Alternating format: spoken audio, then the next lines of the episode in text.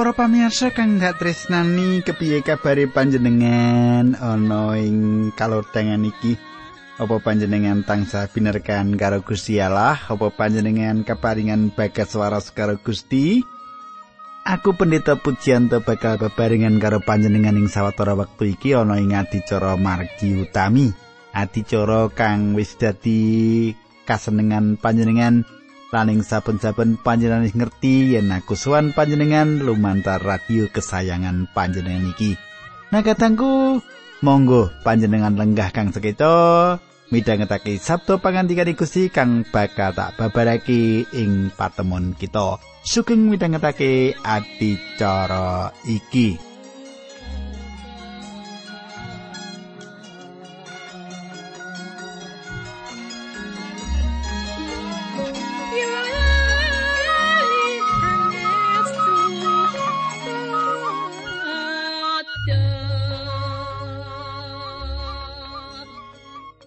Katanggu ing giaran kepungkur kita wis pirsa yen Gusti Yesus dawi para murid kanggo nyiapake bujana Paskah.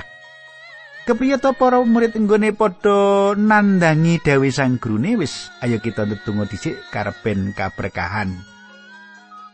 Duh Kanjeng Rama ing swarga kawula ngaturaken gunging panuwun menawi wekdal menika kawula saged midhangetaken sabda pangandikan paduka. Kawula nyuwun Gusti berkahi kawula lan kawula nyuwun supados Gusti mitulungi kawula wonten ing pamedar sabda ing wanci menika. Kalebet abdi paduka ugi sanak katang kawula dinambaran asmanipun Gusti kawula Yesus Kristus kawula ndedonga haleluya amin.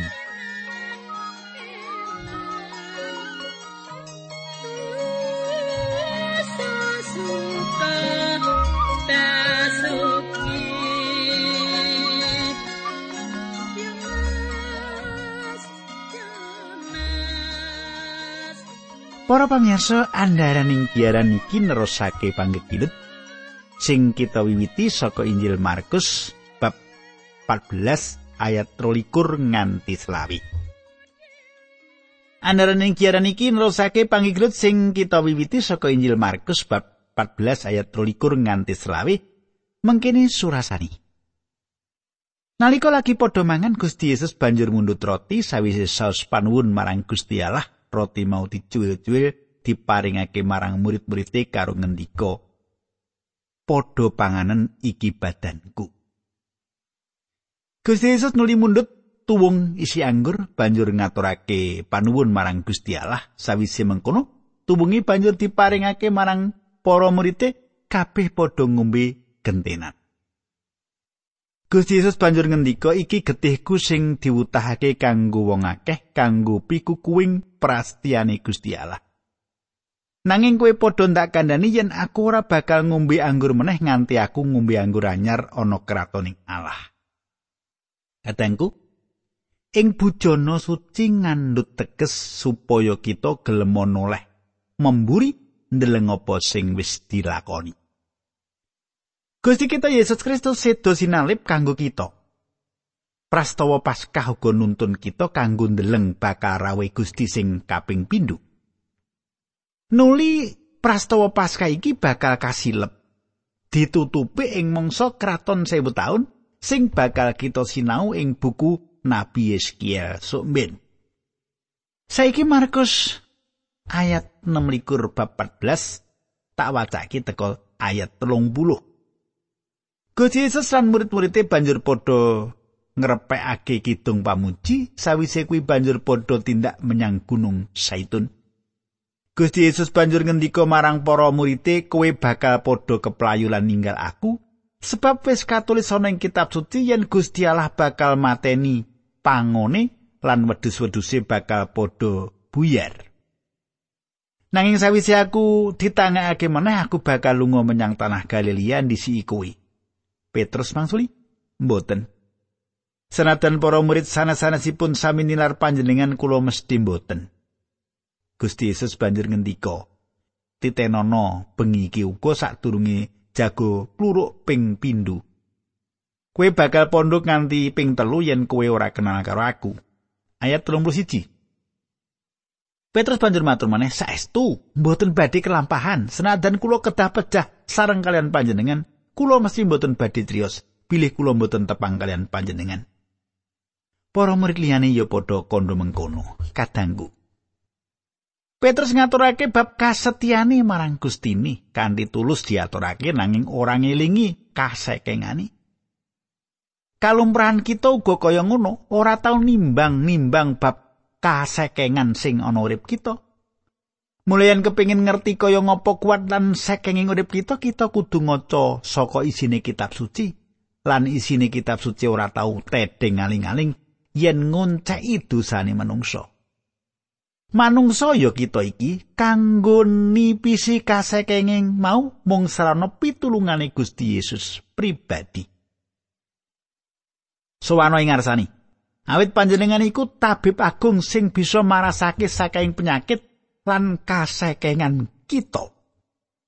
Panjenengan wis ngenal kita kanthi sampurno mula sowana saiki uga.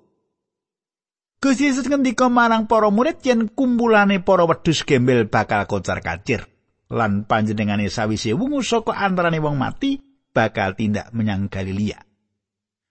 Panjenengane paring janji yen arep ketemu karo para murid ing kono Simon Petrus kukuh ati ning gone setya marang Gusti Yesus senajan murid liyane ora. Pancen Simon Petrus ora ngerti apa sing diaturake marang Gustine iku. Gusti Yesus nuli nyawisake atine para murid kanggo ngadepi kahanan mau. Ayat 32 nganti 34 Markus 14. Gusti Yesus lan para muridé padha tindak menyang taman sing jenenge Getsemani.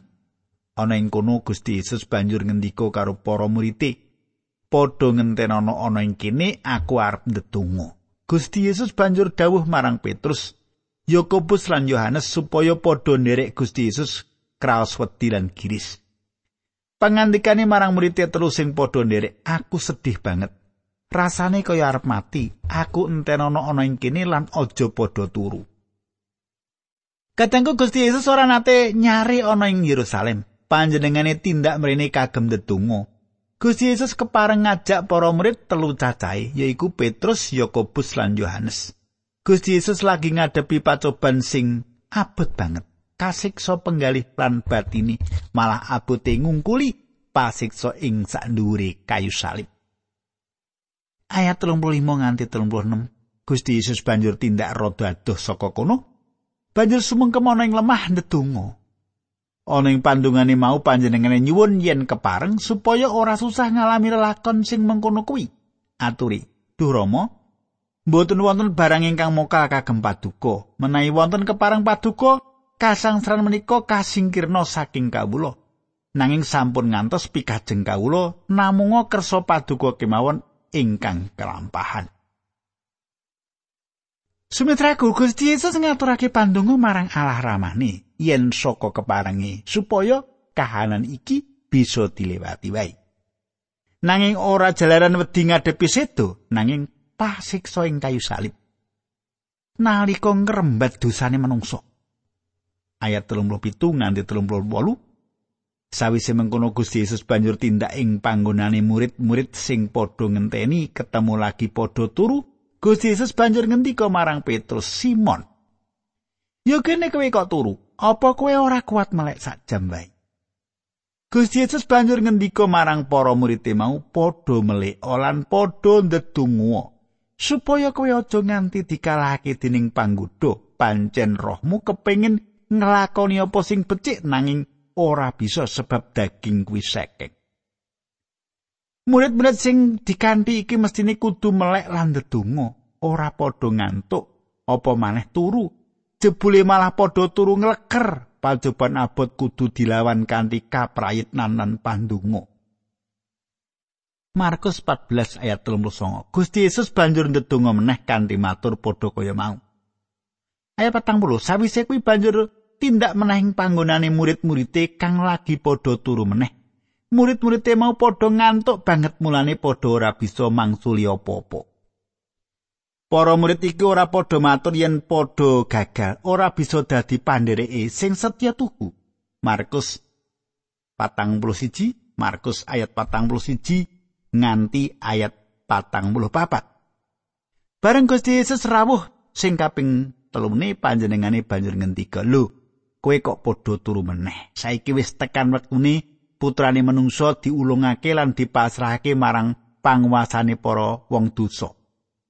Wis padha tangi lan ayu padha lunga, delengen wong sing ngulungake aku wis teka. Nalika Gusti Yesus isih ngendika karo para murid, dumadakan Yudas Iskariot teka, Ya kuwi panunggalane murid Gusti Yesus wong rolas Yudas mau tekani bareng karo wong akeh sing padha nggawa pedang lan pentung. Wong-wong mau padha diutus dening para pengareping imam, para ahli Taurat lan pemimpin-pemimpine wong Yahudi.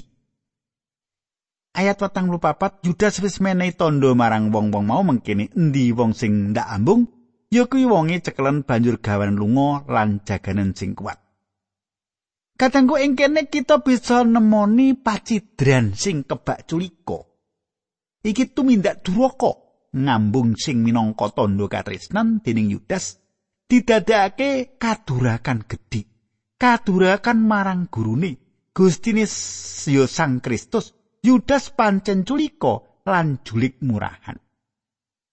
Markus 14 ayat 45 nalika Yudas tekaning kono banjur marani Gusti Yesus karo muni Bapak guru banjur ngambung Gusti Yesus. Kadangku Yudas matur karo Gusti Yesus Bapak guru. Ora Gusti. Ora ana siji wae wong sing ngaturi Gusti yen ora saka pakaryane Sang Roh Suci. Ing siji Korintus 12 ayat 3 tulis begini, ngerti yen ora ana wong sing dituntun dening Sang Roh Suci kok muni Yesus kena ing laknat. lan uga ora ana wong sing bisa ngakoni Yesus kuwi Gusti yen ora merga dituntun dening Sang Roh Suci. Markus 14 ayat 46 nganti 49 mangkene surasani Wong-wong sing tekane bareng karo Yudas mau banjur padha ngebyuk Gusti Yesus dicekel banjur dibondo. Nanging ana salah sisine wong ing kono sing ngunus pedange banjur disabetake abdine Imam Agung nganti kupinge tatas. Gusti Yesus ngendika marang wong-wong mau, "Apa aku iki kok anggap wong ala? Kok enggonmu nyekel aku padha nggawa pedang lan pentung?" Ayat 49, "Saben dina aku rak ana ing ngarepmu, memulang ana ing padalamane Allah. Kowe kok padha ora nyekel aku?" Nanging pancen wis kudune mengkono supaya kelakon apa sing wis katulis ana ing kitab suci. Katengku, prastawa iki njangkepi weca. Upamane wong-wong iki Yudas kancane padha ngerti isining kitab suci bisa uga banjur padha bubar. Murungake apa sing arep ditindakake marang Gusti Yesus. Petrus wis ngiris kupingi Markus miturut Injil Yohanes. Petrus dudu bangsane aguju sing bisa nggunakake pedang.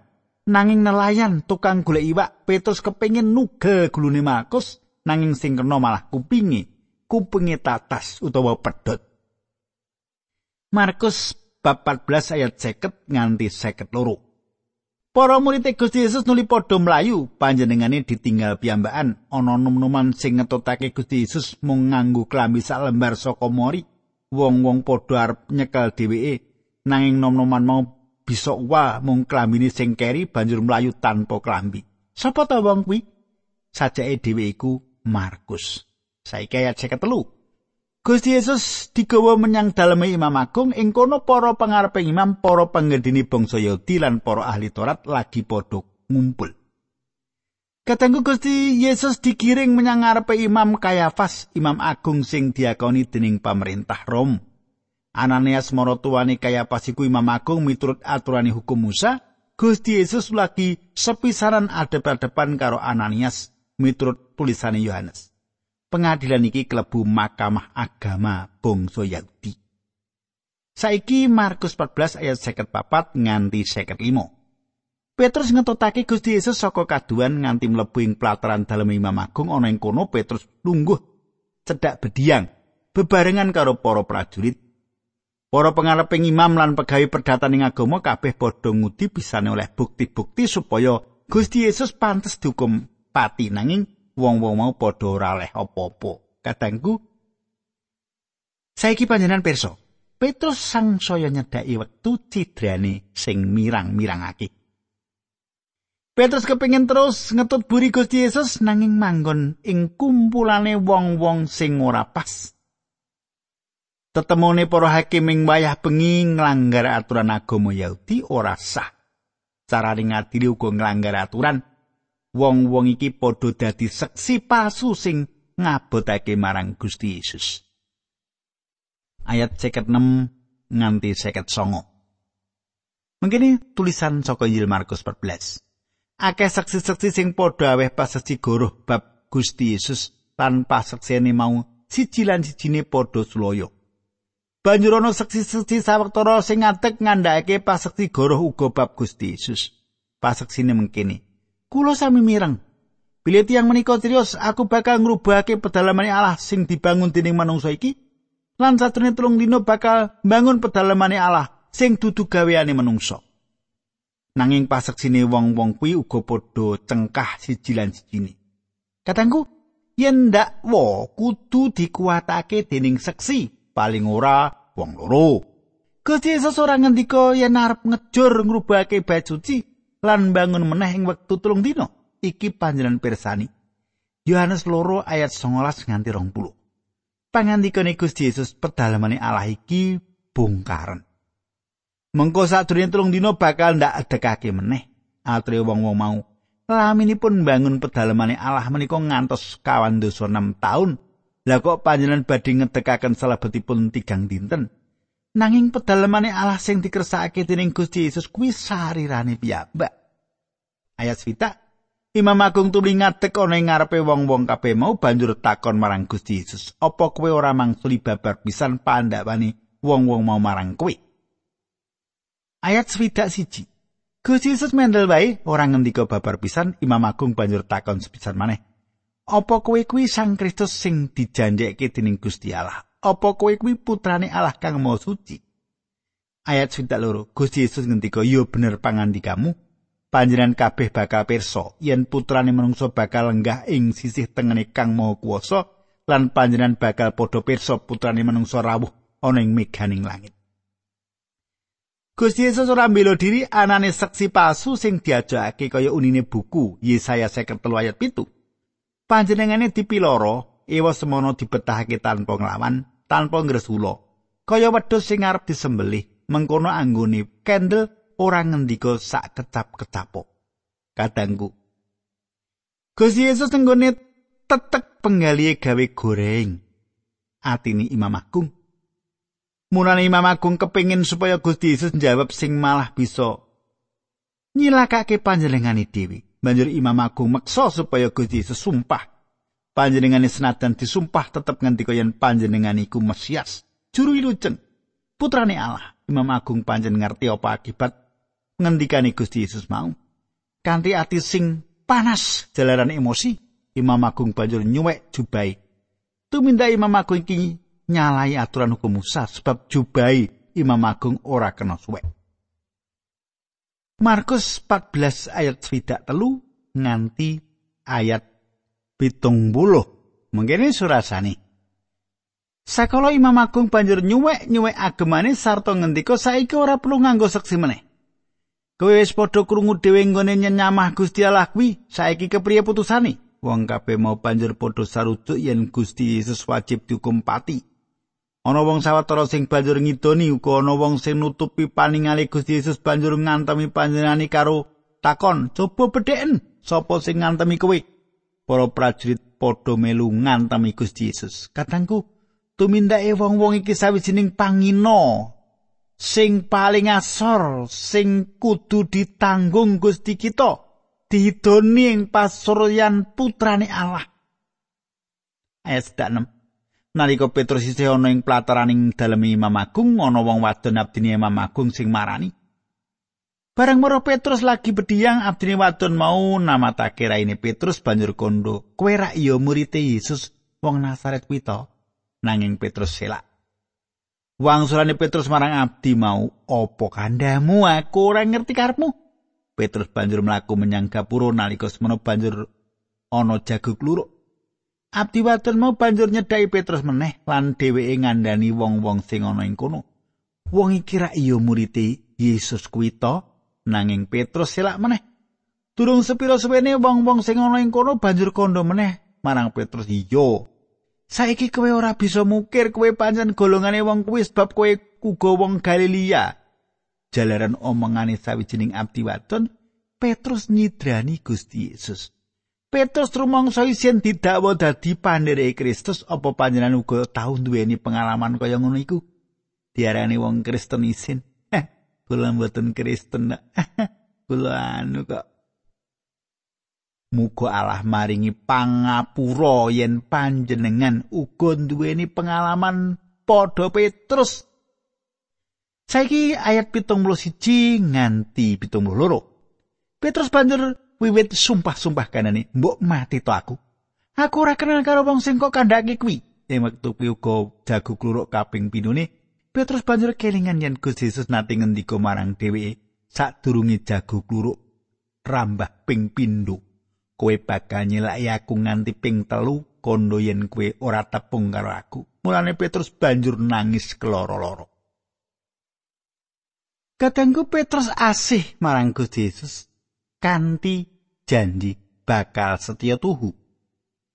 Petrus sing kene ora ngerti kasekengani. Sing wusanane dheweke cidra ing janji. Nanging panjenengan pirsa, Petrus wusanane juga mertobat. Saka pamratobat kuwi, wusana Petrus bisa nulis layang ngene surasane siji Petrus siji ayat 5. panduman kuwi kanggo kowe sing padha kareksa keselamatanmu dening panguwasane Gusti Allah. Keselamatanmu bakal kawedarake besok ing jaman wekasan. Katengku semene dhisik aturku muga panjenengan kaberkahan. Ayo kita ndedonga bebarengan. Kanjeng Rama ing swarga kawula sampun midhangetaken sabda pangandikan paduka. Kawula nyuwun Gusti berkahi kawula lan Gusti nuntuni kawula. ing gesang kawula menika supados kawula saged dados cecalaning gesang wonten ing jagat menika. Dinambaran asmanipun Gusti kawula Yesus Kristus kawula ndonga haleluya amin.